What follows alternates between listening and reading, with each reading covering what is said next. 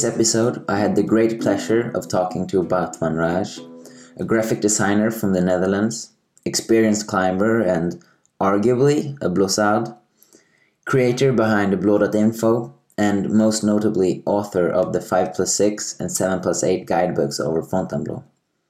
In my opinion, the best guidebooks over the forest, and probably the best and most detailed guidebooks I've ever stumbled across. We covered lots of topics like how Bart discovered climbing and how this eventually led to his eminent guidebooks, aspects of a good guide, Easter eggs in his books, some brief Fontainebleau history, mystic climbs, among many other things. There are lots of references to boulder problems and areas in Fontainebleau without explanations in our talk. So if you want to find out more, head over to bleau.info and search for the problem name to find all the info and photos of the climbs. All the information on bleau.info is offered for free, but their database is growing and uh, website costs are increasing. So to help them keep running the site, please consider ordering a Bleau.info t-shirt by sending an email to bart at bleau.info, B-L-E-A-U dot info. All profits go to the website. And, and by the way, I'm not sponsored by them. I just think it's a really good website, and, and it would be a shame if they couldn't afford to keep keep it running.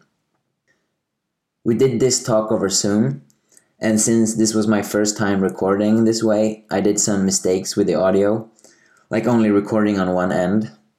Nonetheless, the sound turned out pretty good, and most importantly, the conversation was great.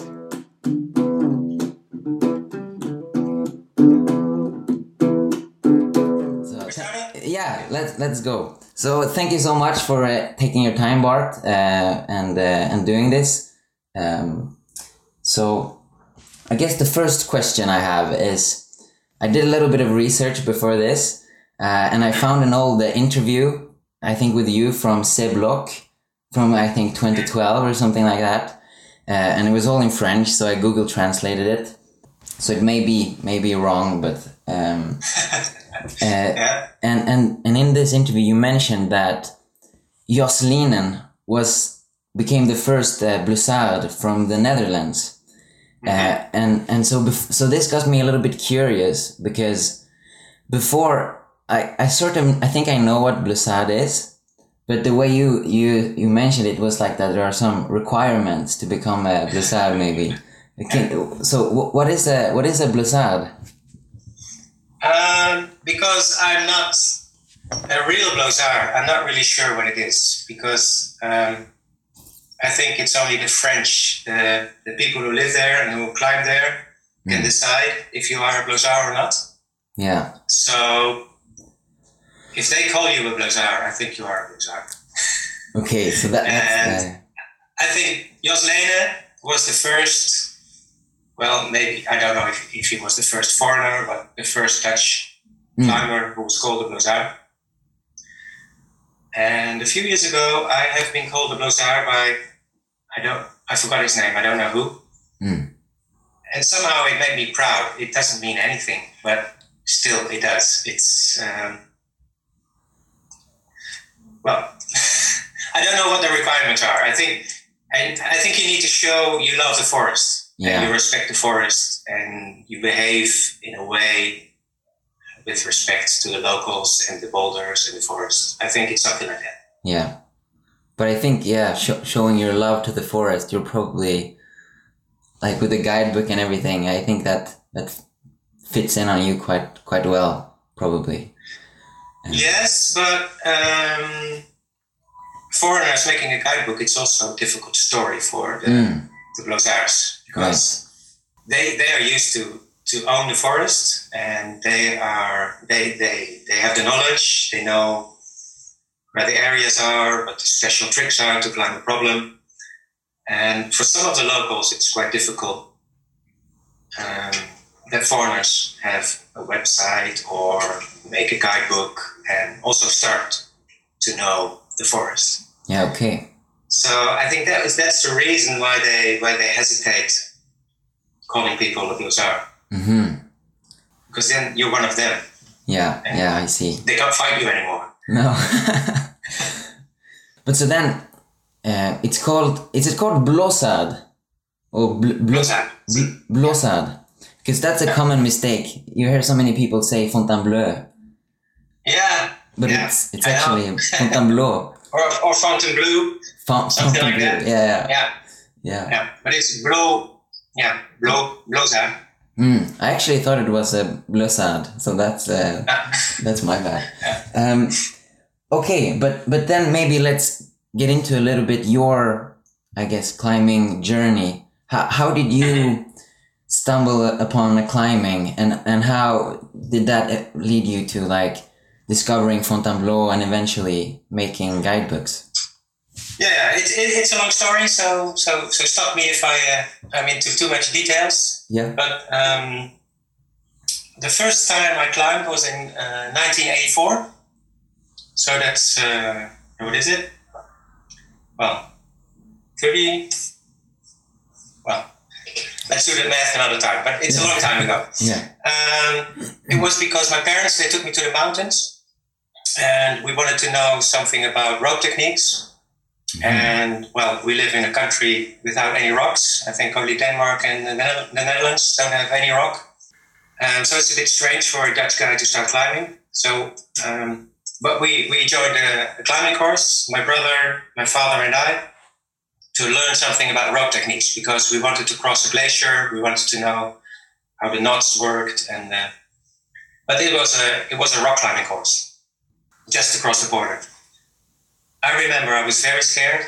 I was very weak. So I really don't know why I liked it because my I, I, I was so scared. The instructor told me, "This is not your sport. Find something else." and And was this next year, was so- this in the mountains, like proper? no, no, no, ro- no, no. It was it was rock climbing. It was in the Eifel, and Okay. the highest rocks there are about twenty, maybe twenty-five meters high. So it was uh, sports climbing. Hmm. So the next year, I did another course, and the instructor it was the same instructor by coincidence. Yeah. He remembered me. Um, my it was the second time I climbed, so my climbing level was the same. The only difference was I, I knew better what to do. I didn't have a harness. I, I knotted a harness with a rope. I had these big mountain shoes I climbed on. And again, I was very bad, very weak, very scared. So again, he told me, stop doing this, uh, do something else. Yeah. And then the next year, I, I moved to Eindhoven for my studies. I was uh, 17, and there was a small climbing wall, outdoor climbing wall, uh, made of bricks and stones, and that attracted me. And I found some people to climb with, and I, uh, I think I climbed there three, four, maybe five times a week, summer, winter, day, night. Uh, I was hooked. Yeah. And still, it, this is strange to me because I don't think I have any talent for climbing. My only talent for climbing is my motivation. I really, I really want to do this. I really, I really wanted to do all the hard problems on that wall. So I just, I started from the bottom and I, I, I worked my way up. And eventually, in a few years, I, I could do all the problems. And then we wanted to solo them and we wanted to down climb them. And we did all the tricks and added new, new problems. Well, that's the way I got hooked. And but in the beginning, I was more an alpinist. So my, my training on that wall was to do because my parents they took me to the Alps for Mm. it was basically walking. Yeah. But I did a, a climbing course in the Alps. Um, I think that was 1987 or something like that. I did that for a few years, but I didn't like it, so I switched to sports climbing. I did that for many years, and then I switched to bouldering. Hmm. And I remember my first time in Font, I wrote it down, was in 1988 with somebody I didn't know very well. I didn't like Font at all. I didn't know. I didn't like this guy. I didn't. We were on a motorcycle. I was on the back with a big rucksack. I didn't have, have a proper helmet. So I remember on the way back, one of the glasses of my glasses fell out.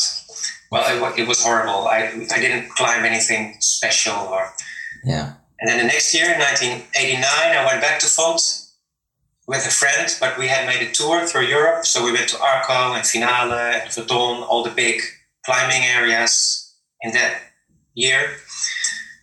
And on the way back, we stopped in Font. Maybe it was because we were tired and we wanted to go home, but again, I didn't like it at all. I couldn't do anything. I was, I didn't know where the footholds were. Yeah.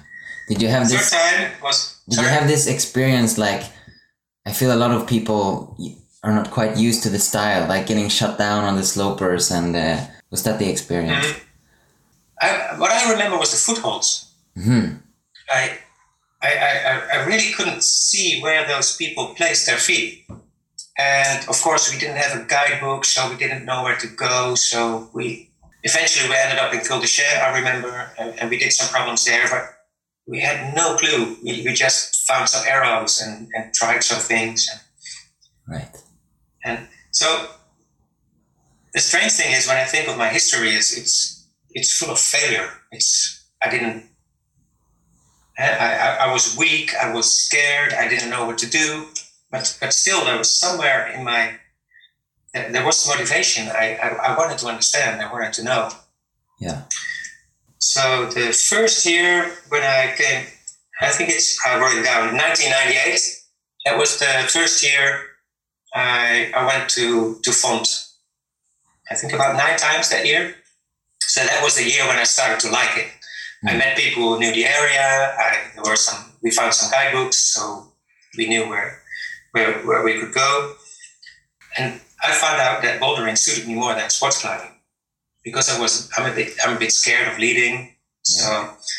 I, I, I, reached my top level. I, I, I had climbed some 8 uh, sports climbing, I wanted to on site the 7C. I never managed to because I was too scared to, to just push on above the bolt and yeah. go into terrain you don't know, which is difficult for you. Yeah. But in 1998, I climbed my first 7B plus in Font. That was uh, the Aerodynamite, a classic one. Yes. And I, I knew that problem from the well, from magazines. I saw pictures of Jacky Godoffe climbing it. So I knew that this, this is a special problem. And that was already very close to my, if you compare it to sports climbing, a 7B plus, you can compare to 8A. Mm. So I reached my, the same level within a few years. And that's when I found out, I think this suits me more. Uh, and I, I, started to like bouldering more than sports climbing. Yeah. So that's the, the brief history, I think. Cool. And then where did the sort of the uh, the guidebooks come into the picture? How did you? Yeah, um... that's that's almost the same year because I found out I could do uh, harder stuff than seven A's, and there were only a few guidebooks at the time, and mm. those guidebooks, eh, maybe you know, in the in, in the past, uh, seven A was impossible. So mm. the, the the first hard problems in Font were graded six uh, D or six F or really. There was a time that people thought six is the hardest man can ever climb. Uh huh. I had no um, idea. So these guidebooks, they there were hard things in Font, but nobody knew where they were except the Bleausards. They knew, and I didn't speak French very well. I didn't know any Bleausards, so I, I searched a lot, and I found a website, a French website, which listed all the seven A's and harder with uh, French descriptions. It wasn't wasn't a topo, so the descriptions were uh, two boulders to the left of that one or uh, in this and this area. So I had to find out where is this area, where is this problem they're referring to. And so I made my own list. I translated it to Dutch. And in the end, I had a list with a few hundred hard problems uh, in Font. Well, my friends started to get interested in this list because it was a it was a very complete list of all the hard stuff in Font. Yeah. In 1998, Jos Lehne, you mentioned him, the first Dutch Bleausard. Yeah. He knew something about internet.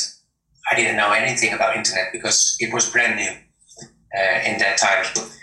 And he wanted to put my list on the internet. I really didn't know what that meant. So I said, okay, here's my list, put it on the internet or whatever. So that was the start of Bleau.info.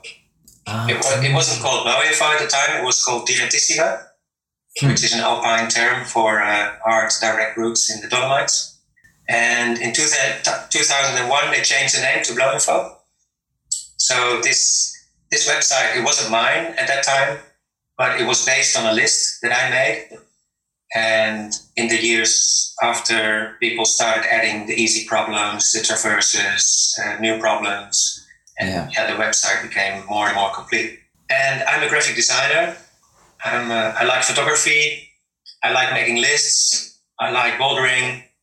So that's why I thought, why uh, maybe I can make a guidebook. Maybe maybe that's possible. So I just I started trying to make a book without even knowing if I would ever publish it. Mm.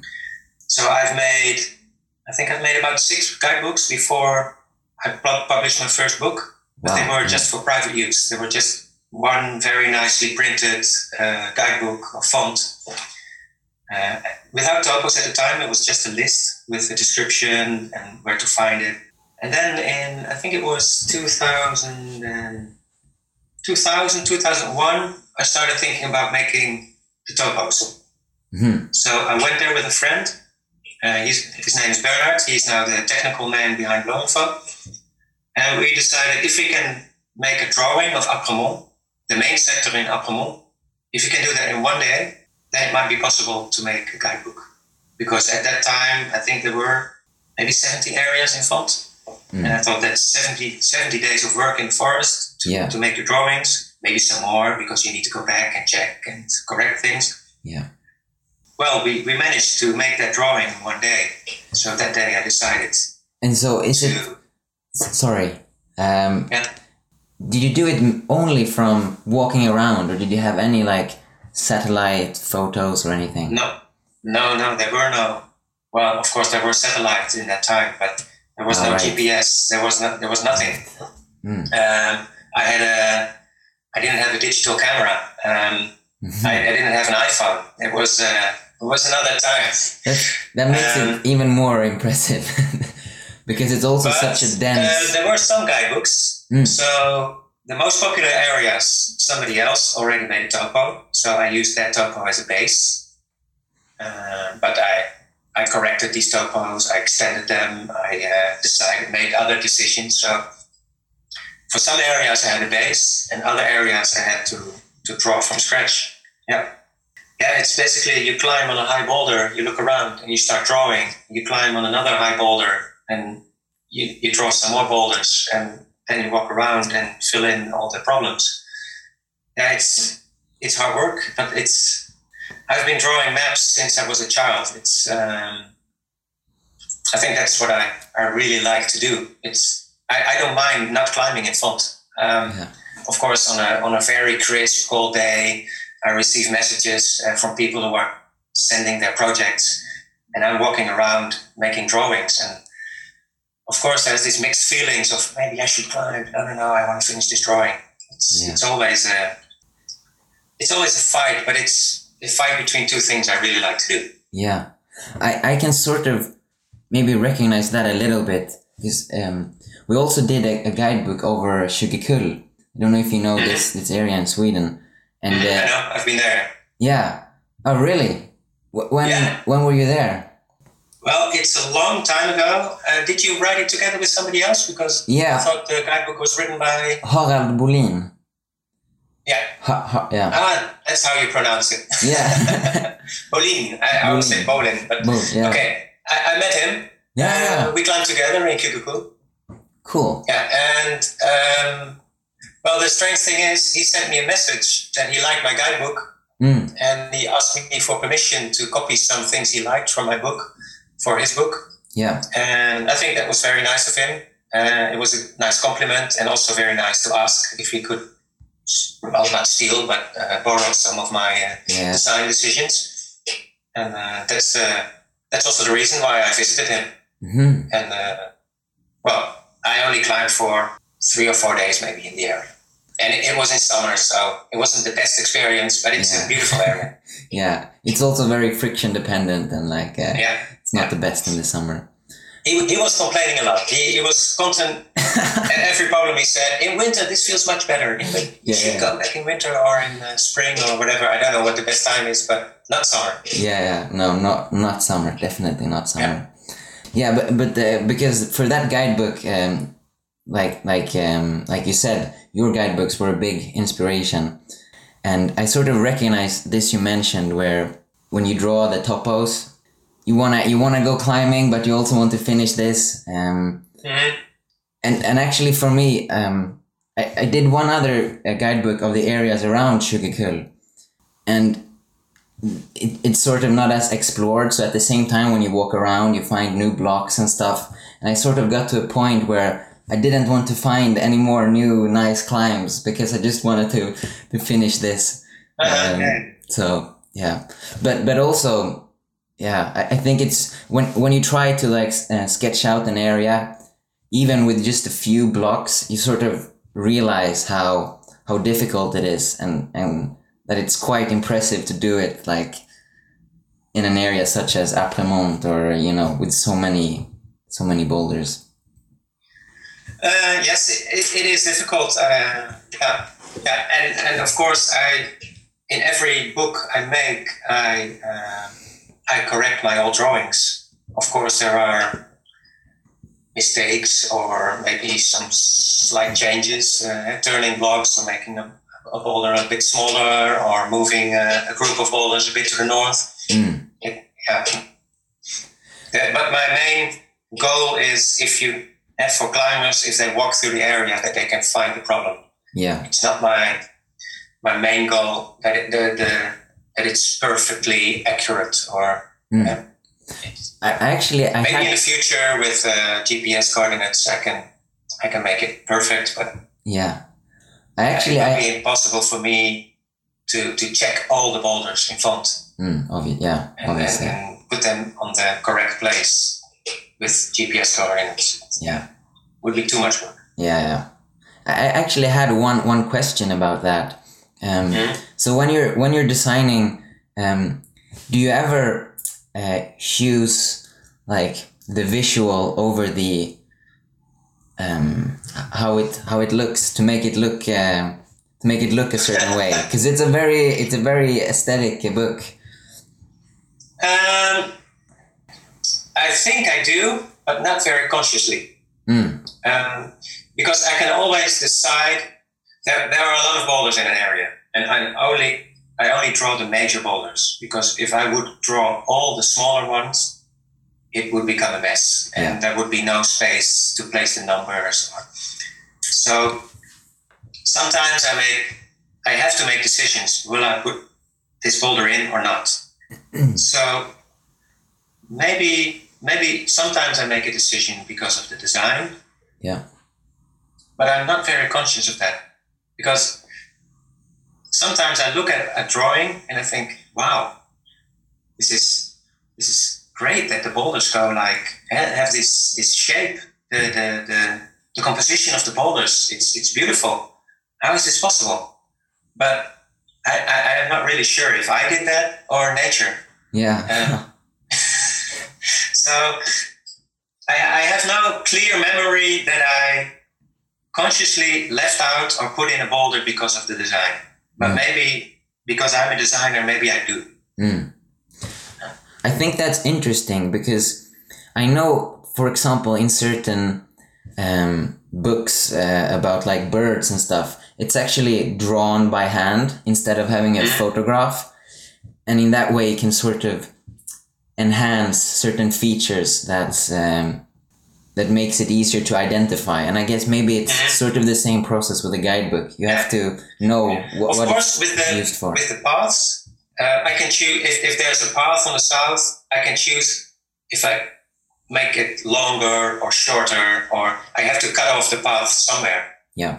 And of course, that's uh, some of the times that's a design decision, and sometimes I need to draw it until there because there's a crossing, and I want the crossing to be in. Right. So there are a lot of design decisions to be made, but I will never change the the reality because, um, yeah, Yeah. yeah, that's that. would- That would be stupid, I think. Yeah. But um, and especially a, especially since it's it's not um, it's not a guidebook with pictures. Like the topos, it's like the the heart of the. It's what you use to navigate. And yeah, Yeah. yeah. so in this Seblock uh, interview, I also found a part where you mentioned about other guidebooks, and sometimes it's not, or probably a lot of the time, it's not graphic designers that design this. And I think you mentioned that from like a professional perspective, that they're often, um, I don't know, poor or, or faulty, but like that the the passion sort of, the passion for climbing for the area shines through. So, what what would you say are signs of like a good guidebook or um, aspects of a good guidebook? Well, I think the main aspects should always be will somebody who doesn't know the area be able to find the problem he's looking for? Mm. And that's also that's always the main question I ask myself. I know I'm not very uh, good at explaining things. If you if you if you buy my book, you still have to think. Yeah. Uh, there are people who use my book and they they've never used the, the descriptions in the back because in the back there are descriptions of how how to get in that area with a map, but also in text. And sometimes in this text there's a description which says how to find uh, uh, a hard to find problem. Yeah. But a lot of people never get there. Yeah. Um, so they send me an email and Bart, I can't find this problem, and uh, how's this possible? I say, Have you read the, the back side of my book? No, no, no, no, never seen it. And also on Bleau.info, there are a lot of features on Bleau.info people don't know. hmm And I don't know why this is, but I don't like. I well, it's not that I don't like it, but it's not in my nature to explain everything. I think I always hope that if somebody buys my book, he has also passion for the forest and he wants to find things and he tries to understand how the book works. So basically, my book works from the back to the front. First, you start in the back, there's the alphabetical index, you can find the area you're looking for. Then you go to the bigger maps, you know how to drive to the area. And then you flip further back, you go to the area, and there you can find the boulder you're looking for. Yeah. But there are there are a lot of small indications in my topos. Like I, I always draw the boulders. Uh, if there's a, a certain point on the boulder, I will draw it. Or if there's uh, other landmarks, they will be in the guidebook, but they're not explained somewhere. So, uh, in one way, I think a, a guidebook should be very clear. But in the other way, my books are you still have to work a little. That's why I don't like these these guidebooks with pictures. Hmm I can understand why people like them. Yeah. and they're very popular. Everybody buys the Jingo Wobbly books because they have the, the pictures with the lines. Yeah. So it's it's easy. But to me, bouldering is also searching, finding the line. Um, where do I start? Where do I finish? Mm. And if you have a boulder on a picture with a line and it says at the top you go a little bit to the right, it already explains part of the game. Yeah. But, but this is my opinion. This is always also tricking me because people are buying the other book. It's not what people want. Yeah. I've got some big fans, um, let's say a few thousand people who really love my books, but all the hundred, well, ten thousands of other climbers, they buy the other book. Yeah. They don't want, they don't want to work, they don't want to think. They just want to go to the forest and bam, bam, bam, climb their seven A's Yeah. and in the most popular areas. In my book, you can also find very unpopular areas with maybe just one or two great problems and the rest is shit. Yeah.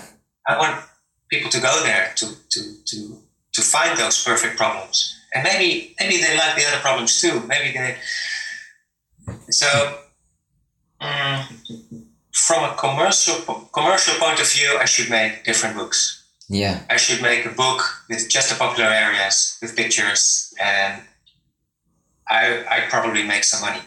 Mm. Um, but that's not what I want to do. I um, yeah, it might sound stupid, but I will keep on making these books because I like I like them. Yeah, and and it's also Like, that's not your question. Your question was what? What's a good guidebook? I'd already forgotten. so I, think, I think the Jingo Wobbly books are good guidebooks. Yeah. they sell well, so people like it. So they must be good. Mm. But it's not my type of book. Yeah. Um, there is another book with pictures. It's the Hueco Tanks guidebook Mhm. from this uh, popular area or classic area in Texas. I really love this book. It's it also has pictures, but it's its design. It's it's much better. It's perfectly designed. And the Jingo Wobbly books, to me, they are a complete mess with information and colors and Yeah.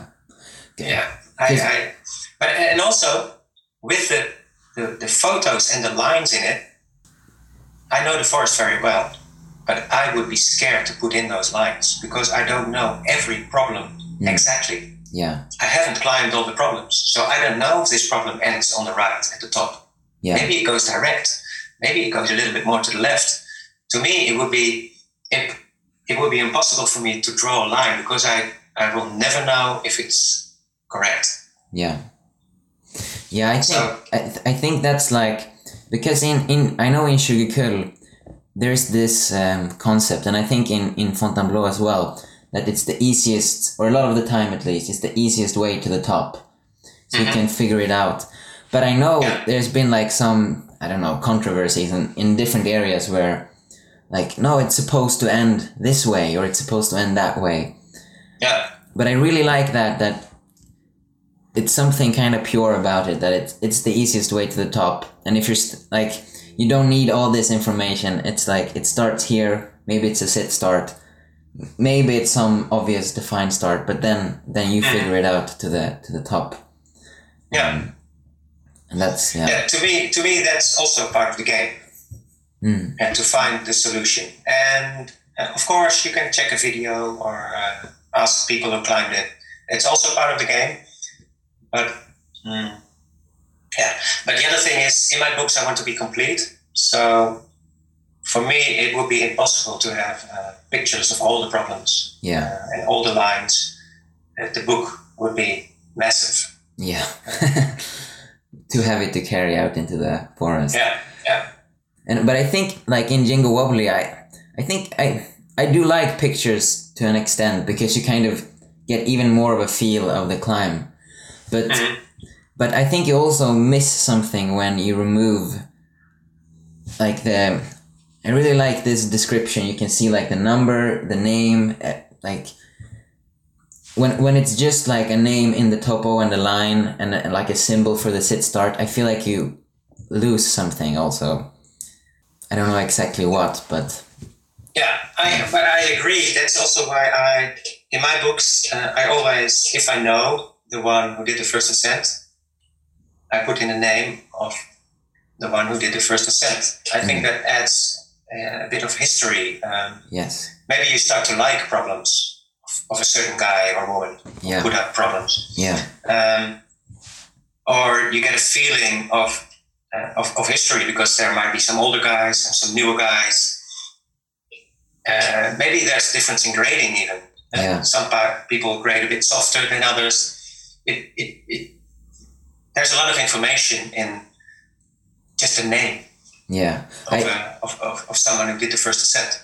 I really agree with that. I think it's really nice to have the names of the first ascensionist, and And if I know, and if it's old, I put uh, the, the date or the year of the first ascent. yeah, So I think if you want to know the area and if you want to explore the area, you should use my books. And if you want to go to Font to just just for climbing, Mm. maybe Jingo Wobbly is better. yeah, Because uh, you go to the most popular areas, you find your uh, perfect red circuit and maybe some 7As you want to try. And you do them. yeah, but there's no there's no background history. There's no yeah. But maybe that's the, the times have changed. I, I like this history and the feeling, and, and maybe people they just want to go to font like they go to the gym. yeah. Uh, I don't know. I think I think maybe it's two different categories or, or like audiences or, or Yeah. but Yeah. yeah but but like what you said about first ascensionists like I think it's quite cool to try. Like you, you know, not necessarily, but if someone has a first ascent, there, there, mi- there might be like a certain style to it, or or you, you like, for example, like one of the the first time I went with a couple friends um, for a longer trip to Fontainebleau, we um, obviously we used Bleau.info. We looked and, we looked at um, uh, Julien Nadiras Mhm. and his um, his quite impressive list with first ascents and kind of just like wow everything is like four or five stars and we want to want to try these and and I think I think that's really important I I feel like you miss something if you remove that from yeah from, from the guidebooks Yeah, uh, Julien Nadiras, Mm. the year 2002. All those problems are great. yeah That was his best year. Yeah. Yeah, it's crazy I, I agree. Yeah. But let's talk. Oh no, wait! I have one more thing. Um, so when you look at your guidebook, uh, like the maybe the orange one, the seven plus eight, one of the first things you see is obviously the seven plus eight, and it's quite a special font, I think, with the seven going down below the baseline.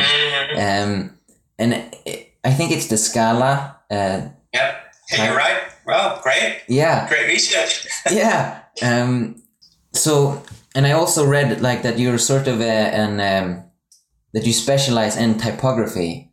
Yeah, yeah, yeah, that's What, true. what's the what's the thing behind Scala? Why, why did you choose uh, Uh, that one? the, I, I went to art school and I studied graphic design. And um, my teacher for typography, he designed the Scala. Really? So that's the main reason why I use this font. It's a it's a font designed by a, a Dutch designer, and he teach me. Mm. So I, I, I know I know this font very well, and I'm, I'm quite a classical designer. Yeah, I'm not a flashy, very modern. I, I, I like I like fonts. I like um, like for for most people now, it's special that a seven goes below the baseline and an eight goes above the baseline. Yeah. But that's how fonts should be. um, but it got lost in, in history. Uh-huh. Uh, like it's like an L going upwards and a G going downwards. Mm. It's the same with uh, numbers. So, but later with the with the typewriters and the, with the computers, these fonts they got lost Mm. because they, they, they, they needed space. Um, well, it's a technical story, but they got lost Yeah. and only classical schooled designers they still want to use them and you need to buy these fonts because on a, if you buy a computer there are a lot of free fonts on your computer Yeah. but most of those fonts are, are stolen copied uh, bad fonts and if you want to have a, a, a properly a good designed font you need to buy it Mm. and those the, the fonts you buy will have those old school eights and sevens or a five and a six that goes upwards and downwards. Yeah. I only use, use those fonts because I I really love the if, if you see numbers who don't do this, they're like capitals. Mm-hmm. Capitals are massive. Yeah. And also these these numbers are, are massive. So the well to me it doesn't look good. Yeah, because I, I, I remember like when I opened uh, the book the first time, or I don't remember the first time, but I remember that like it does make an impression. This this font that it's it looks it looks good. I think. Yeah, yeah thank you, thank you. yeah. I'm, I'm happy that um, that people actually see this. Yeah, Um, I think especially the seven going like the the numbers going below is like a, a thing you really notice. Or for Yeah, me, yeah. I did. many many people who many of my friends who are not designers they they always say yeah yeah that's a typical Bart font typical Bart font the yeah Yeah. That- that- but they're they're just better designed fonts Mm. And so we talked about these details in the guidebooks. Are there any Easter eggs in your in your guidebooks? Any little Uh, hidden details? Uh, there were there were but I, I took them out Uh-huh. one of in my in my second guidebook, it's the the one with the the white plastic cover. Hmm. Um, I, I have these stars in my guidebook: the the bold stars, the black stars, and the open stars.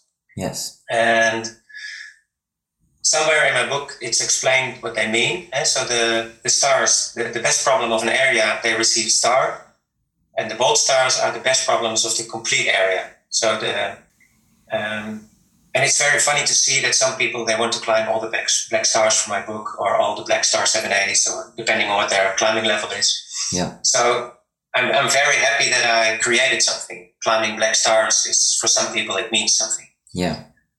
But there are also problems in font that which are not that good.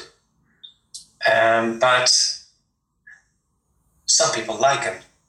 But I wanted to, to, to find a way to put in my book the problems I didn't like without being that obvious.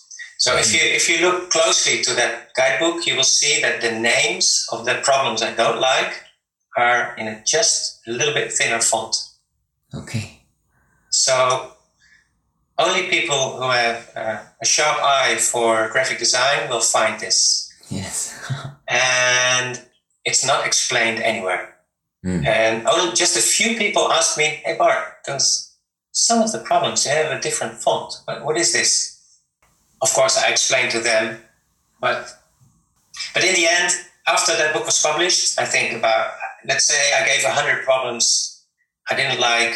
I, I gave this this font, Hmm. and mainly because of the rock quality. Because moves, it's it's it's a question of taste. Yeah. Rock quality is not a question of taste. Taste it, it, it can break easily. That's uh, so all problems with bad rock quality. I gave this uh, this special font. But then I saw on Bleau.info people are giving those problems five stars. So I Yeah. thought, what am I doing? I hate these problems, or hate. I don't hate any problem. Uh, I, I, don't- I don't like this rock quality, Yeah. but it doesn't make sense uh, because other people they just. But you can tell this from the other way around. I can give problems a star, and other people can say, "Well, not worth a star." So Yeah. yeah, It's so tricky with with quality and like giving Yeah. giving something a star and uh, and sometimes like the, there's so much to it. Like sometimes you have a bad day and everything is shit that day, whatever you try, and Yeah. and sometimes you have a good day and some little or just you have some memorable experience on a weird little climb. Well, one Easter egg might be that because of the. I'll explain the black and the, the other stars a little bit more. Mm. So the black stars are the best problems of Fontainebleau. Yes. The normal stars, so let's call them the white stars, are the best problems of an area. So this means that if uh, a problem gets a star in area A, it might be of different quality and of a problem in, in area B. Because if an area isn't that good, Mm. I will give the best problem a star anyway. Even a black star. If, sorry? Even a black star. No, no, no, not No, black star. no. No, no, black stars only for the best problems. Yeah, yeah, no, black stars. Uh, I'll explain the white stars first. Yeah. So, um, if an area is bad, it it should have one star, at least, because of that's the best problem of the area. But if I dislike all the problems, there's no if there's no star in, in an area, don't go there that's that's uh, it's not explained in my book because so the, the, the white stars are the best problems of an area. So if there's only one problem with a star or no problems with a star you, you should be warned. Mm. if an area like Isatis, there are a lot of white stars and uh, the, the, the average quality is very good. So you can you can you can see by the by the stars if an area is good. But if in a bad area, this this one problem with a star, it can be very bad compared to the white stars in Isatis. Mm. You understand the difference? Yeah, yeah, yeah. It's relative. Because it's the best problem of the area. yeah. And it might, maybe it doesn't mean that much. The black stars, I have five criteria. Uh, the problem should, should look good. Uh, the hold should be uh, perfect or good. Uh, um, it shouldn't be chipped. It shouldn't be uh, very dangerous. It can be scary, but not very dangerous. And what's the other one? Oh yeah, and the moves should be good. So there are five criteria, and if a problem has at least four of them, I will give it a black star. Mm. So if it has four or if, if, if it meets four or five of these criteria, it will receive a black star. If it has three, two or three, it, it can have a, a white star. Yeah. Cool. But, but there are no really uh, there, there are no really Easter eggs in my books. When when I published my first book, there was a somebody wrote something about it on a Dutch website, and he said Bart's book is as dry as the desert.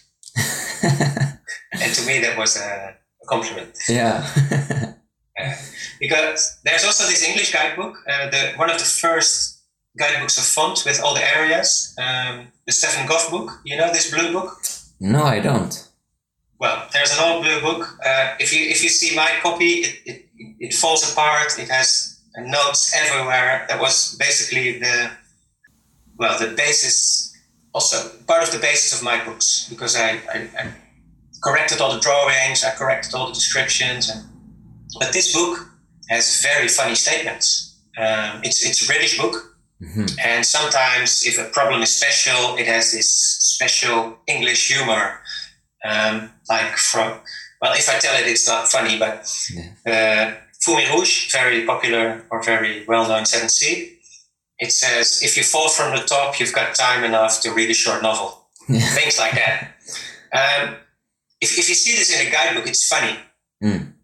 But I'm, I like this kind of humor Yeah. but I'm not the guy. I, I cannot create this. Yeah. I, I, I like to, to read this and laugh about it, but uh, I'm not the guy to put this in my books. To uh, I, I like to read it as dry as the desert. Yeah. Because like um we were in uh, uh, in um, let's see Horse Pens some years ago Yeah. and there was this uh, there's a guidebook for the area and i think it's very uh, humorous like they have uh, guns for the ratings of the climbs like a knife a fist is the one star a knife a handgun and then the automatic is the greatest um, Mhm. and then they also have like these funny funny descriptions and like sort of the i don't know the southern the southern style sort of creeps in um, Mhm. and I think that can be very fun, but it it also it can also take away this that, that we talked about, like the easiest way to the top that you don't really know. Um, but yeah, I think they both sides have have something to them.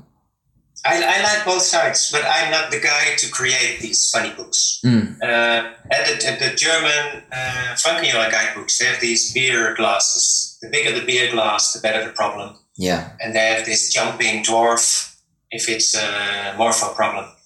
hmm yeah, it's quite funny the first time, but yeah, after a while, yeah. Yeah. it gets yeah, yeah. yeah. Um, so let's talk a little bit about Fontainebleau. so yeah, yeah. let's do it. So um, could you maybe briefly to to start talk a little bit about the history of Fontainebleau? Maybe it's not easily to, to briefly uh, talk about it, but it's a very historic area and, and it's it has a long history and it, it has become probably one of the best destination climbing Well, well, bouldering the, the, the, the funny thing is, when I explained how I started climbing, Mm. um, I went to the Alps and then I moved to this city where they have this outdoor climbing wall. This outdoor climbing wall was only uh, five and a half meters high, so it was some kind of bouldering. We did most things top rope. It was also published, possible to lead, but you could also solo the, the problems. So I went there for training for alpine climbing, and that's also what they did a long time ago in Font. The people from Paris who wanted to climb in the Alps, they needed a place to train. And they had Le Saussois, which is, I think, 200 kilometers from Paris. So that's quite far away. And Fontainebleau is only 50 kilometers from Paris. Mm. So that was an easy place for them to practice rock climbing. And that's also why they started the circuits, because they were they wanted to train their endurance and they wanted to train crack climbing, like alpine techniques. So the first circuit was painted in uh, Rempart, in Cuvier Rempart. Huh. To us, it's a very bad circuit. But Yeah. if you know this history, you can understand because they, they were searching for all the cracks. And it's just a continuation of through the area to link all the cracks.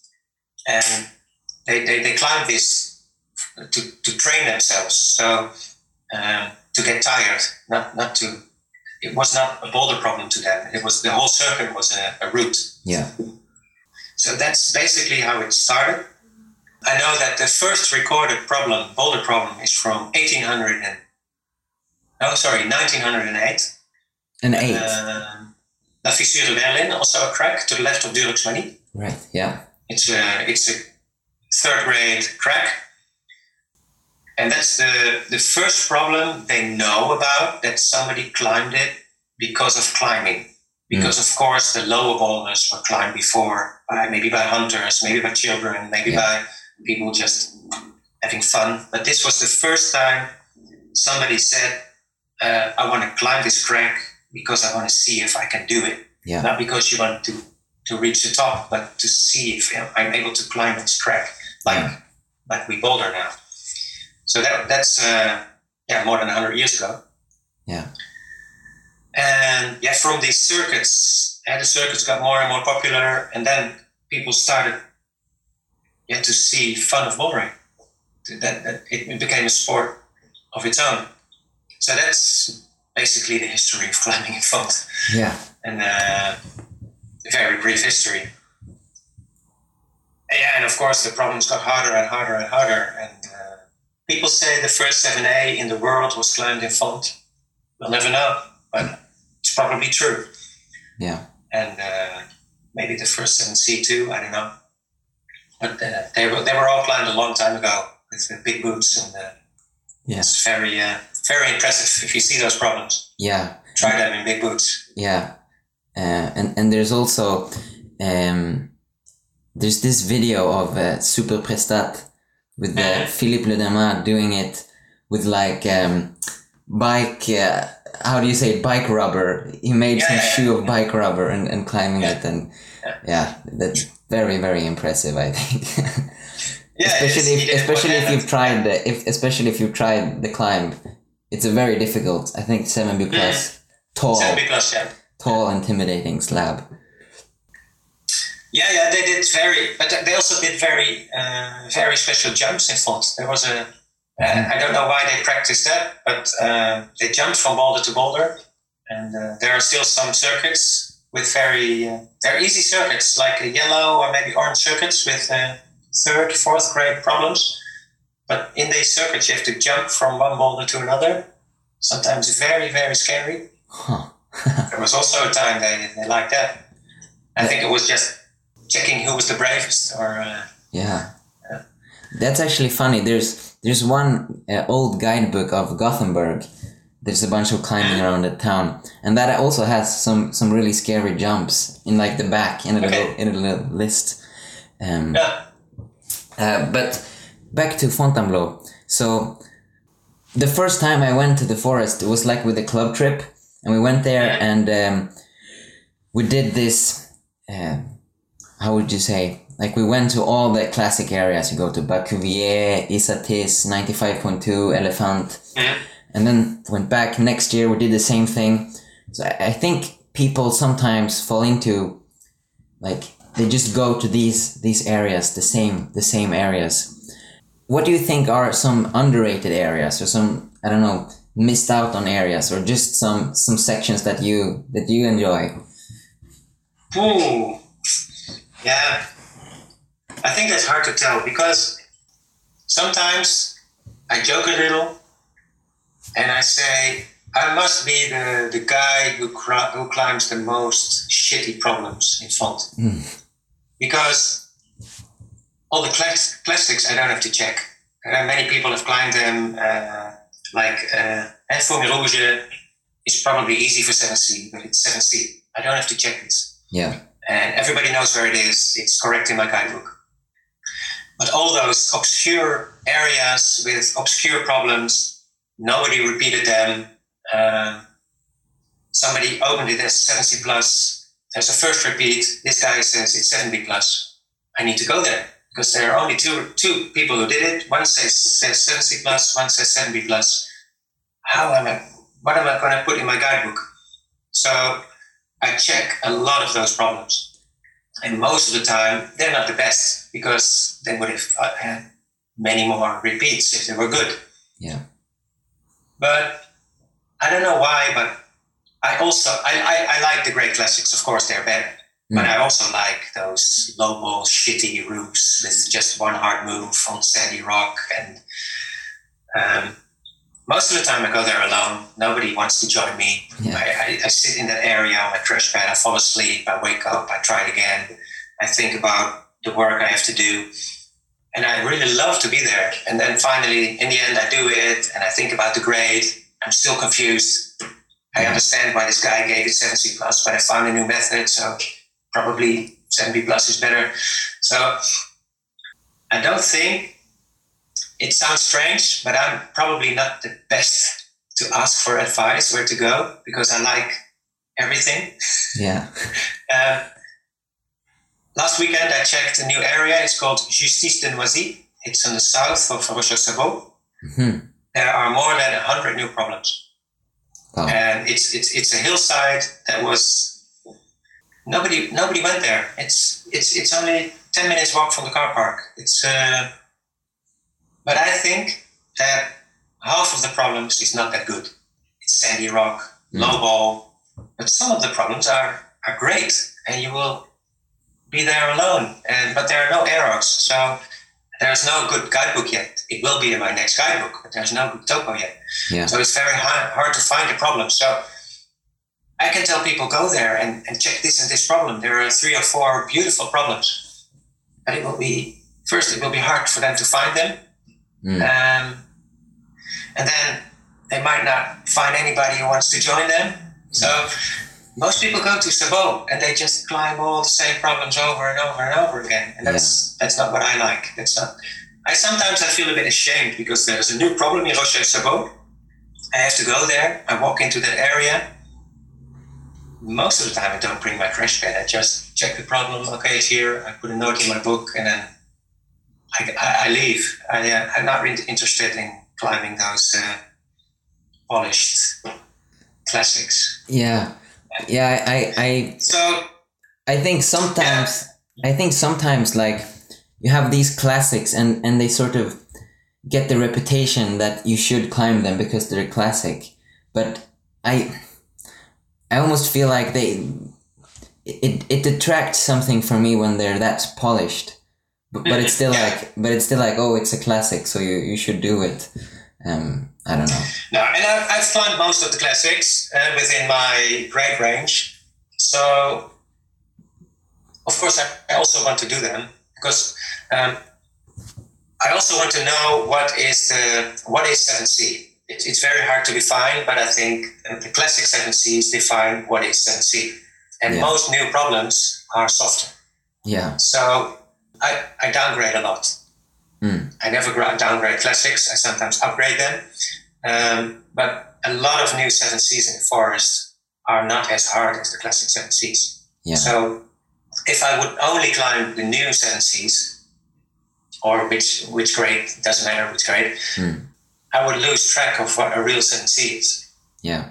So, so once in a while, I need to go back to a classic area, climb classic 7C. So, oh wow, this is 7C. Right. Okay. yeah. Yeah. I guess Yeah. yeah. that's good to have a to have some sort of a benchmark to uh, yeah, yeah, and, and, and it can't be. Uh, uh, I've climbed Berezina over over 50 times, so I can't go to Berezina, climb Berezina, and say this is 7C because Mm. it doesn't feel like 7C for me. right. Uh, it, it needs to be a, a problem that's new to me, Yeah. or I have done a long time ago, maybe once. Mm. So, but I always wonder those guys who open all those new problems, Yeah.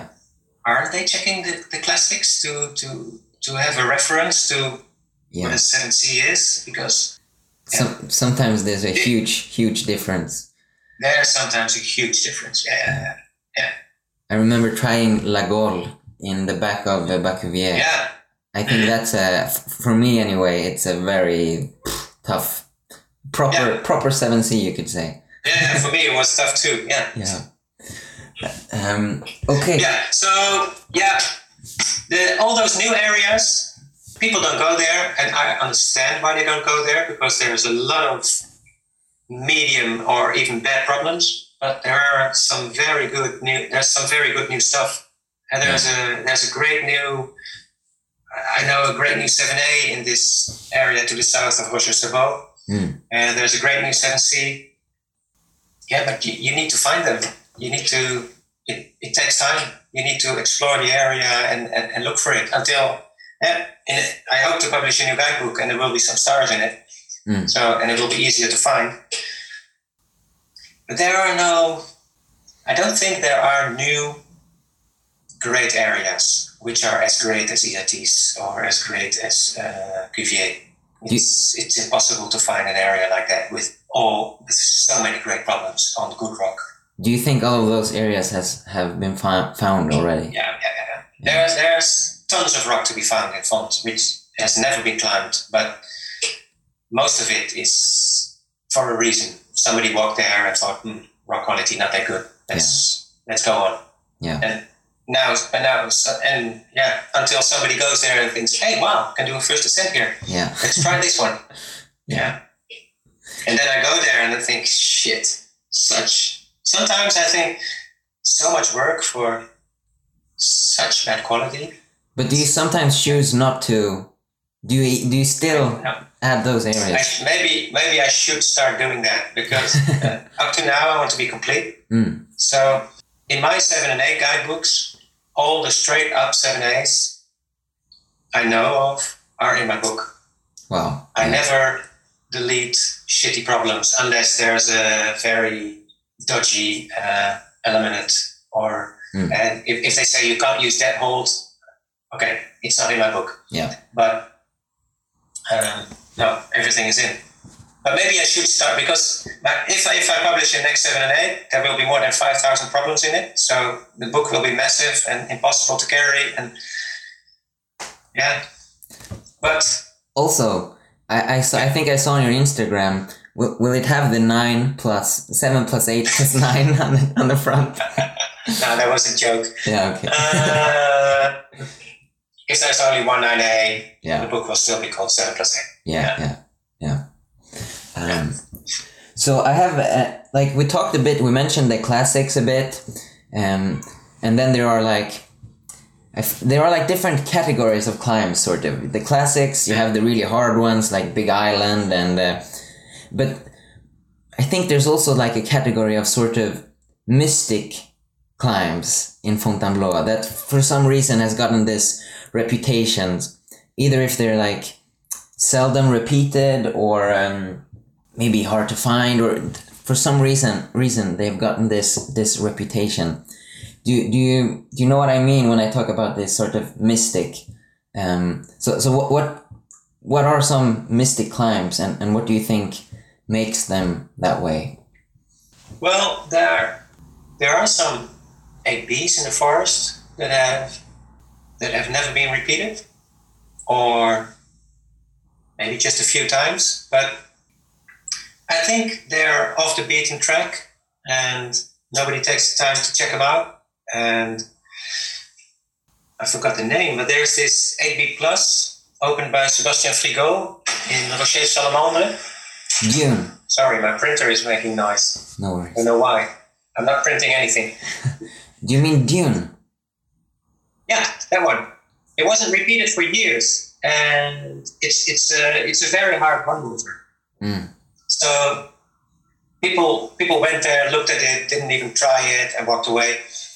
And I think was it Jimmy Webb who did the first repeat? Possibly, yeah. He did an earlier repeat. Yeah. Maybe it was the first.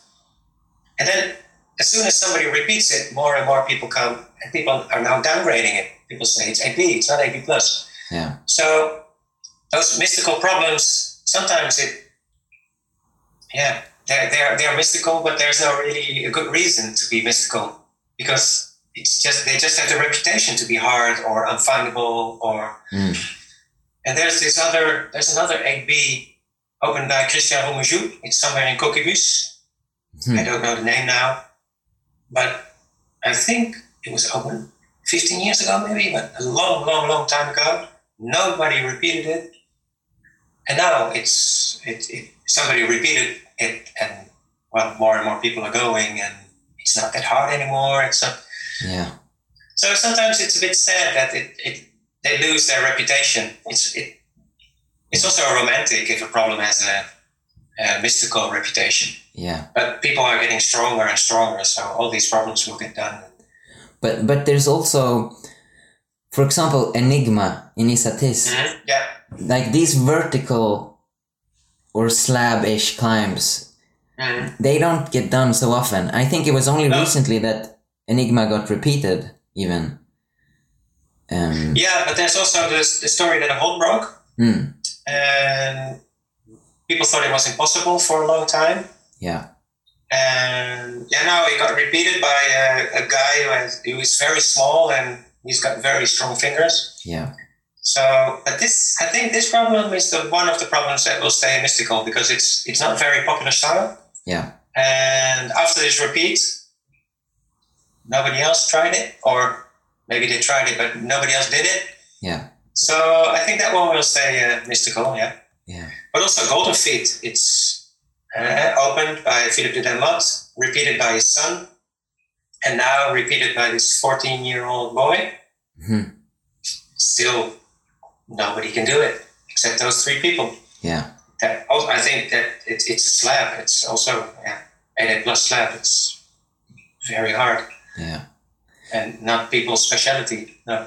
Do, do you think because font is very special for its slab climbing? I think it's quite Mhm. quite unique the way the rock uh, looks, and I know just there's there's one slab climb I went to look at in Elephant. It's called Mutus, I think, or something Yeah, like that, yeah, by Emmanuel it's impossible. Emmanuel Latouille. Yeah, I I feel like that's also sort of a mystical thing. If you look closely, No. if you look closely, there's like one uh, credit card hole glued onto the, the Yeah. wall. But do you, yeah, I don't know. There, there has to be some sort of technique or some lost uh, technique that they use to, to do those sort of things. Yeah, and years ago I tried it, but I couldn't do any move. Yeah, No. and we should mention it's a seven. It's a small seven C plus slab in Elephant, hidden in some corridor. Mhm. Um, Yeah, yeah, yeah, and the holes are that small that's even hard to see where the problem is. yeah, There's no obvious line. There's yeah. yeah, Yeah. yeah. That's it's Yeah. kind, kind of insane. But but there are some uh, there are some uh, some areas on private property with good problems. Mm. Um, but I can't write about it, and we can't publish it on Bleau.info. Yeah, So I once once uh, a local uh, showed me a garden of there's a, there's an old Bleausard. He lives in the forest in Trois Pignons, and he has his his garden has a lot of boulders in it. hmm There's a fence around it. but There's a hole in the fence, so if you know where to go, you can have a look in the garden. Beautiful boulders, and it's private property. Yeah, If you know this guy, you can call him. You can ask him if there are some problems there. It looks great, but there are also problems more to the to the east, to the northeast. So, say to the northeast of Melun, Mm. which are on private property, which aren't in guidebooks, which aren't on Bleau.info. Mm. It's beautiful problems. Yeah. And, uh, sometimes you see a video of people who go there and they just are too tempted to, to publish it. I think they shouldn't, but yeah, yeah.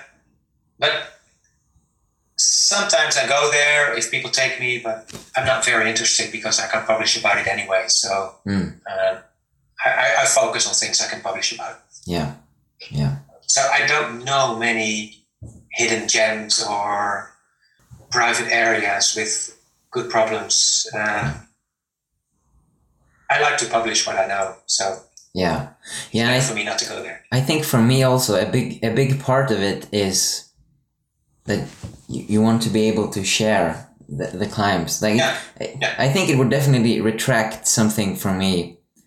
Like there's one part of me that I really enjoy just the climbing, and even if no one else climbs it ever, I had a great experience. But there definitely is something to, like, yeah, maybe no one will repeat it, but someone can come by. There's like a guidebook, they can find this. And I, I like that thought that it's there and it's a rock. It'll, it'll be there for a very long time. And uh, yeah, you can climb it. Yeah, but also um, during the confinements, I couldn't go to France, Mm. but I was allowed to go to Germany. So I climbed in a very small sandstone bouldering area near Luxembourg. But officially, it's forbidden to climb there. But the, the forester he allows Mm. people to go there if you behave. You can you can go there. So it's not really forbidden, but you shouldn't promote it. Yeah. But the locals, they do publish videos on YouTube, hmm and the programs look great. They look perfect. So it's to me, I can understand because you climbed a very special 7C or a very special 8A, which looks great. You, you took Yeah. a video, you want to share this, Yeah. but it's not very smart to No. do this, maybe because it will attract other people, and maybe people don't know about this rule. They just found out, they just go there with a big group, or maybe they camped there or whatever. Mm. So, yeah, sometimes it's hard. And I went there. I did the the classic hard problem over there, and I was very proud. I published a video on uh, on my Instagram, and of course, I also got a comment. Uh, if you can't go there, don't publish it. It's not fair. Mm. I can understand this. It's um, I went there.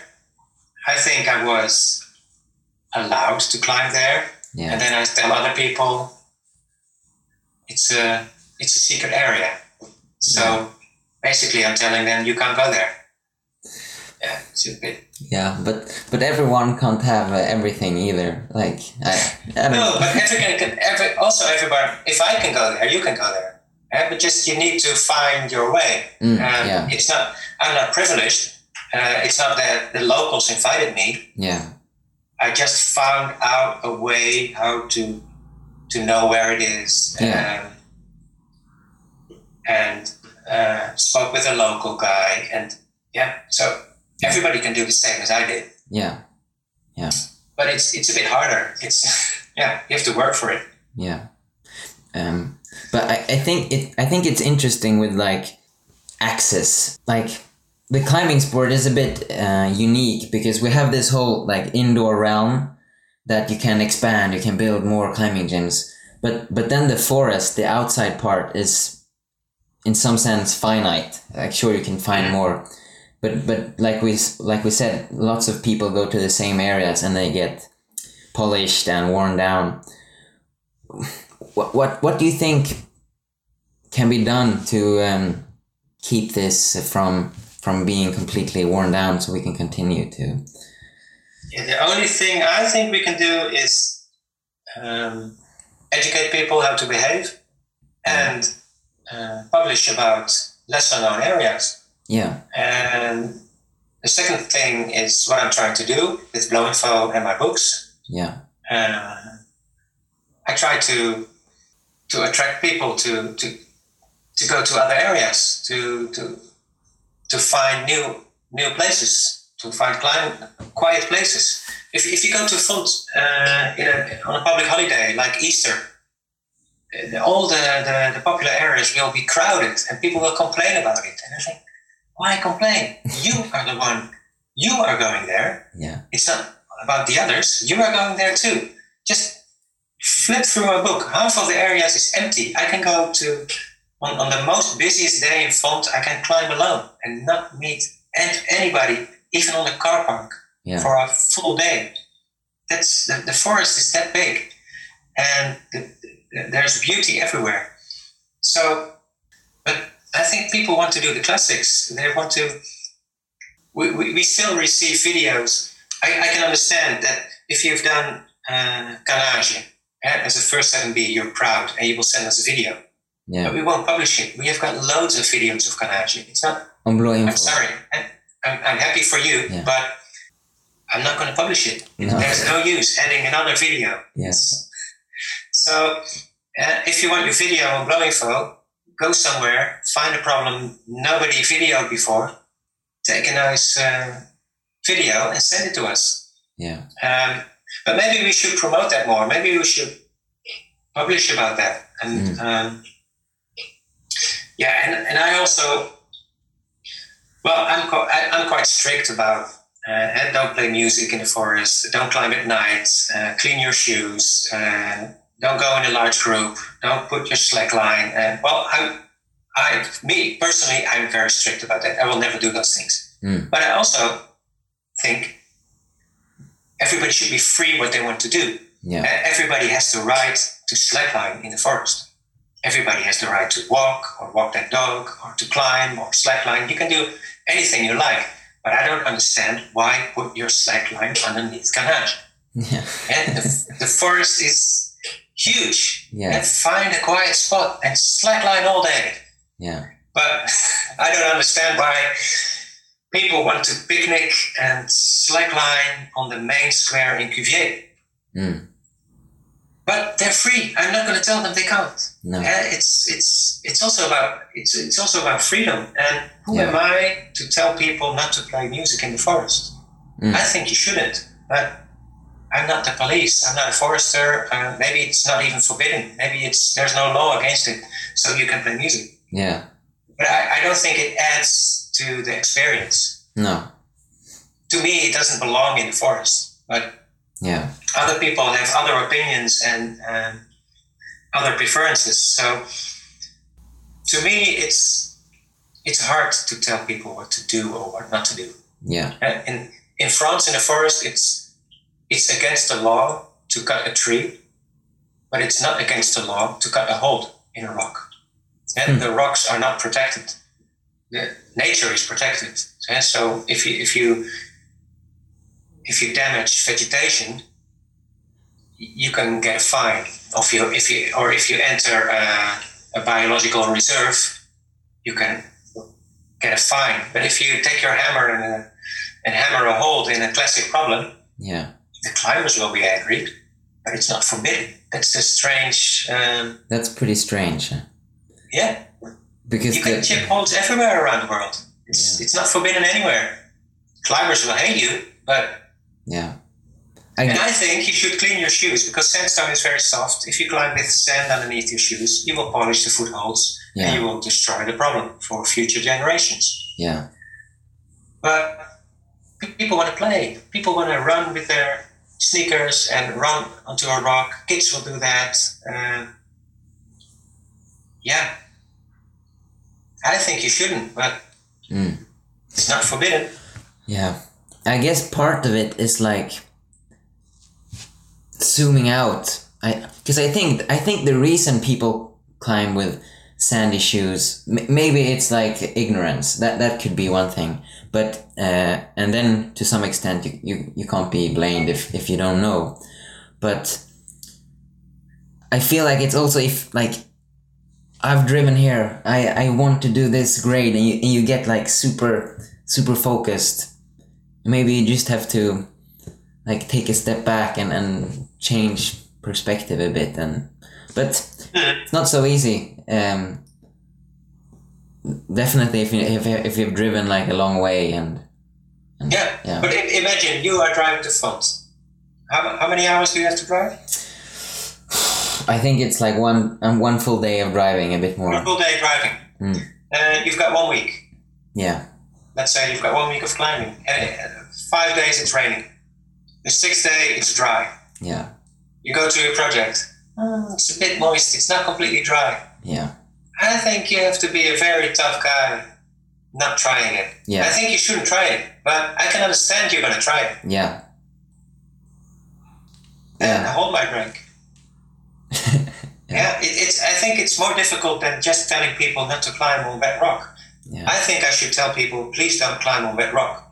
Mm. Yeah, because these are the reasons why you shouldn't. And you can hurt yourself, you can ruin the problem. Um, well, there, there are reasons why you shouldn't.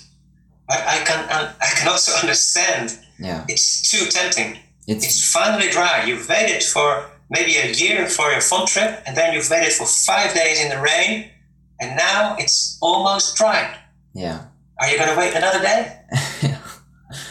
Drive home Yeah. empty-handed. Yeah. and drive home without anything. Yeah.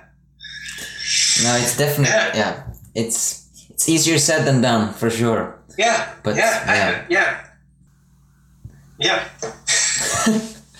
so it's it's not all black and white. It's um, it's even with the a lot of areas in Font are in bio- biological reserves. Mm.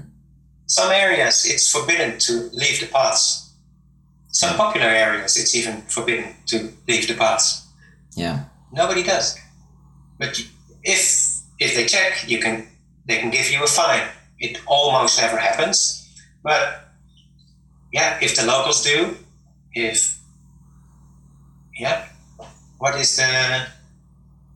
Are you not going to go to that area? It's like Beolots. It's uh, there are some. It's not the best area in the forest, but uh, there are some good problems. But officially, you can't leave the paths. So officially, you can't climb there. Hmm. But the signs are very small. Nobody reads those signs. There are signs in the forest, but I don't think it's not. It's not very obvious that. Um, yeah. Mm. I think you, you you just park your car, you grab your crash pad, and you walk into the forest because the for, the guidebook says you can go there. Well, it doesn't say you can go there. It's it's in the guidebook. Yeah. So Yeah. you think you can go there. Yeah. Well, I think like recently, uh, I think uh, Eclipse broke. Yeah. The, the, but I, I believe they, they somehow they put the hold back on. No, they no no no no. Um, it, it's it's the end jug that broke. It's, Yeah. uh, the big jug you jumped to. They didn't uh, put it back. That's impossible with sandstone. Maybe with granite, it's possible to glue a hold, Mm. but in sandstone, it's it will break again. So, but they have this uh, liquid which hardens the, the sand hmm because in Fontainebleau the sandstone is the only the surface is hard, and on the inside the rock is very soft. So as soon as you break a hold, the, the rock will start to crumble.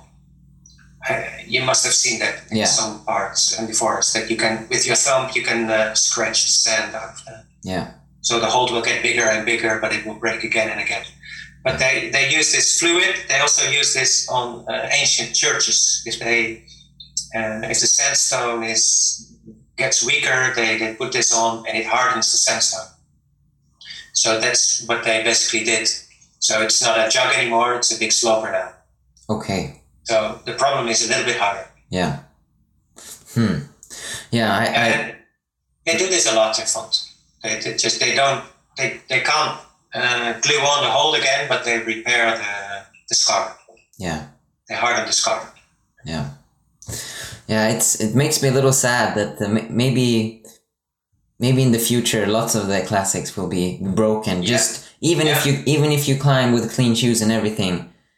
I guess it's sandstone. It's soft. Maybe, maybe Yeah. it'll it'll get worn down.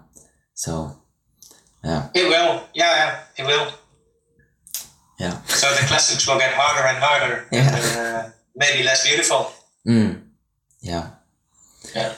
But uh, a, a lot of holds break in font. Yeah, it's. Uh, I think uh, for for climbing, it's it's it's the best rock in the world, but um, mechanically it isn't. no. I guess it's like um, you can't have both. Maybe you can't have the perfect Maybe, sandstone maybe and the and the durability. Um, so I've, I've um, one question about like projects. Mhm. There are some some projects on on Bleau.info. Um, I looked around a bit. Um, wh- which do you think it's like? Are, are there some really classic projects? Some something waiting to be to be climbed? Some some uh, some king line? Um, because because there aren't that many like lines like Partage or uh, I don't know Big Island or something like that. Some super cool line. There aren't that many lines of, of that quality. I think being, Yeah, that's being true. put up. I think there is one in uh, Cuvier and Paak. Mm. Uh, it has a name. You can you can find it. I, I published it on Bleau.info. as a project. Yeah. Um, it's it's a slightly overhanging pillar, like uh, Merveille. Yeah. And I have heard that um, Charles Albert did all the moves. Okay. I'm not really sure. Maybe one move is missing, but it's a very old project. Uh, I think Jacky Godoffe tried it years ago, and uh, I know Charles Albert tried it. He published a picture of it on his Instagram. It looks beautiful, but it's basically it's holdless. It's uh, it's like Merveille without holds. It's uh, Yeah. very impressive. That would be very special if, that, if somebody climbs that. But it's it, it's old climbing. It's not like uh, Big Island, No. which, well, to me there are no holds on Big Island. But for a good climber, Yeah. and the compression moves, it's very popular. People are strong. Yeah. So, and there's a, a, a quite a good looking problem to the right of Elephant, uh, Right, a round yeah. pillar, Yeah.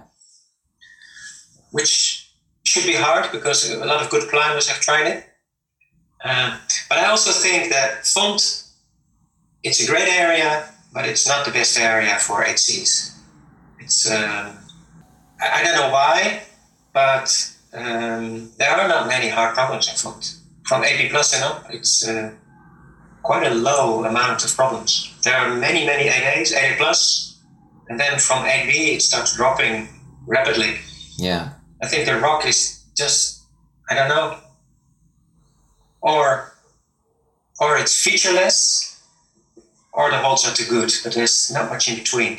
Mm. There, there are not much problems with that. They can might just go. Maybe it's a similar thing like with with slabs. Like you have slabs up to maybe 7C, a few 8 days, but then I think maybe the differences like just one degree makes such a big difference that it's impossible or maybe it's the same or similar with the sandstone. But yeah, I think it's very very hard to find an eight slab. Yeah, Yeah, yeah. yeah. but also with slabs, I have a. The easy slabs in Font are very, very hard graded. Sometimes you climb the, uh, in a red circuit, so it's about five plus or six A slab. And well, I climb seven Cs regularly, Mm. but I struggle. I sometimes struggle on a five plus six A slab. Yeah. I really, and I think like I, I, I just climbed this, and I think, wow, if this is five plus or six A, how many steps are are there in between this and an eight A? Yeah. How can there be so many steps between this and Duvel? Yeah. I've tried Duvel, I've never done it, but I can move in Duvel. Yeah. And maybe if I focus on it, maybe in future I may be able to climb it. But how can what's all these steps in between? I don't understand. Yeah. If a five plus is already that hard, how can there be also a six C and a seven A and a seven B and a seven C slab? It's I don't understand that grading. And I'm a guidebook writer and I publish about it, but I get confused about it all the time. yeah. Yeah, grades grades are very tricky. Yeah. Yeah, I, sometimes I wish I didn't publish books because then I don't have to worry about grades and just say, well, if they say it's five plus, it's five plus. Okay, let's walk Yeah. by, or let's go on. And hey, wow, this one is seven A. Wow, that's great. That felt easy. Yeah. But now, now I publish about it. Uh, yeah, yeah. I have to say something about it. I have to agree or disagree. Necessary evil. Yeah, yeah, but I, I also sometimes it's quite like enjoyable when when you suddenly stumble upon like a really hard slab or just a problem with like it sort of wakes you up like oh shit. Am i doing something wrong? Is this a weakness of mine? Or perhaps it's a sandbag. As i think as long as you're not it's easy to say as well but as long as you're not too attached to the grade it can be like a fun thing to to get sandbagged and try and, and Mhm. struggle and yeah, yeah. I, I, I can completely understand. And in other areas, I don't care about the grades at all. Well, Mm. it's it's of course it's bullshit. Of course, I, care about grades. Yeah. it's also always nice to climb something hard. yeah But um, but in font, I really have to think about all those grades and uh, and, and, and, and and publish something about it. yeah But yeah, I, I, yeah. Sometimes it's great to climb in another area, and and don't and have all the freedom and just well, I don't agree, but I don't have to. I, I, don't have to. Nobody cares about my opinion. Freedom. yeah. Uh, so I have I have one uh, final uh, question. Mm-hmm. Go, going back to the the guidebooks. Um, I think also in this uh, interview I I um I read with that you um um that I read about you um you mentioned that the future is digital.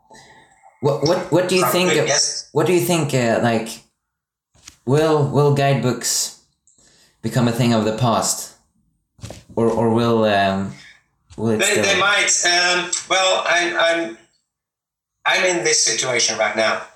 Um, I published four, seven, and eight guidebooks, uh, and some five and six books, and I really want to publish the fifth mm. seven and eight, with more than 5,000 problems.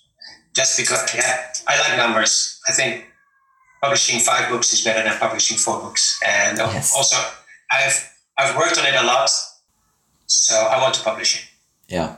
But last years, I haven't sold many books for obvious reasons because nobody went to font. Mm. And I don't know what will happen. Will people return to font? Will people start buying my books again? Or have people changed? Will people do people prefer digital? Uh, do they want an app, or do they do they use Bleau.info? Or yeah. So I am I'm having this discussion with myself all the time now because I do Bleau.info and I make guidebooks, and they're for me they are connected. I can do Bleau.info because I make money with my books, and I can make my books because I have my source, which is Bleau.info. Mm. So for me, they are really connected. Um, if I want to make Bleau.info better, I could add GPS coordinates or I could add topos on the website. But then I would give everything for free yeah. and nobody will yeah. buy my books. And with Bleau.info, I don't make any money. So it's this continu- I'm continu- continuously have this fight inside myself. I can't make Bleau.info that good because I need the money. Because if I if I earn money with my books, I can spend my time on Bleau.info. Yeah. Um, I could make a digital guidebook, but with my my guidebooks, I ask thirty five euros for a book, mm. and people will pay thirty five euros for a book. But will they pay thirty five euros for an app? It's for me, it's the same amount of work. Yeah the same amount of money I have to invest. So um, I think it will be impossible to ask 35 euros for an app. Yeah. So I don't know if I can. I don't know how other app makers manage to to make a living, but maybe that's why they have uh, global apps eh, like 27 Crags or uh, Vertical Life. Yeah. It's not just one area. They have maybe you have to go global to to make to make money. Yeah. But I, I want to keep focusing on font. So it is my wish to make a new book, but I hope I will be able to. Mm. And if not, I might try a, a digital version version of my book. But I don't know if it's going to work. Mm. Yeah. People will pay for it because yeah, I, I, need to. I have got children and I need to pay for my house. Um, I, I spend a, many, many, many hours working for uh, on Fontainebleau eh, for my book, for the app, for the for the website. Yeah. Without making any money, so yeah. Yeah, I, I think one day will will it will be too hard for me. Yeah.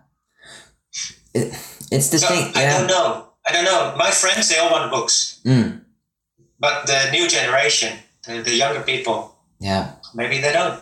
Because I, I've also thought about this a little bit because when I when I ask people and talk about this, like lots of people I think that are older than me and maybe my age really um, say like no no it's I like a book um, but then I think I think it's different I don't know about like the younger younger generation. If you grew up with using a phone and all of these things, may, maybe maybe you don't like it. But then on the other hand, um, there's also like when everything becomes digital, when you have a Bitcoin and all these things, you can't touch it. Maybe maybe it'll be like um, maybe people like will go the other way. Like this is something I, I have this, I can hold it, I can go through. I don't need internet connection to uh, to look through everything. But Mhm. but I don't know. I don't know either.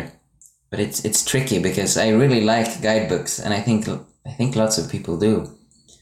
But yeah, it's not so profitable, maybe.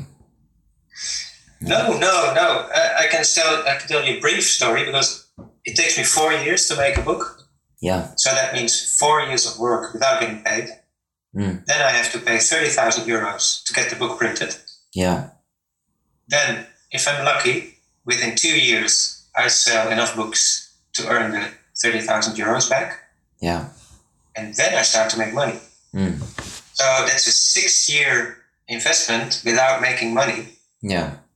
And then you hope that you will sell enough books. And my first three seven and eights, they, they got sold out very, very easily, very quickly. But the, the amount of books I printed was lower. So I, I, the, the amount of books I printed was higher and higher and higher. So the last time I printed many books because I was convinced I would sell them and make some more money. But then COVID came. So now for one and a half years, I, I sold only a few books. So, but in the meantime, the books get older and older. Mm. So people might now wait for the next book. They might think, yeah, this book, book is already four years old. Maybe I'll wait for the next one. Yeah. But if I don't so- sell all these, there won't be a next one. Yeah. So it's, it's very hard to tell people, no, no, you should buy my old book because if you don't buy my old book, there won't be a next one. Yeah. Yeah. That's a, that's a complicated story to tell people. Yeah. It's definitely it's tricky. Yeah. Um, yeah, and I think Now I told them. yeah now now they know um yeah but it, yeah it's it's tricky because yeah there's so much so much time and energy put into put into the guidebooks and especially yours like with the with the topos and everything um but but also you're printing some t-shirts for uh Yeah. Yeah. so i don't know Bleau.info because um, well, uh, Bleau.info is growing and growing, so the the many more users, but also the the disk space is growing. So I need to pay more and more money to keep the website in in the air. yeah So I decided to to ask people for help. yeah So I printed some shirts, and they will be available maybe from this afternoon. I don't know if I will make it, but all right maybe Monday. yeah Uh, they will be published on Bleau. cool So so i, I think i have a very support.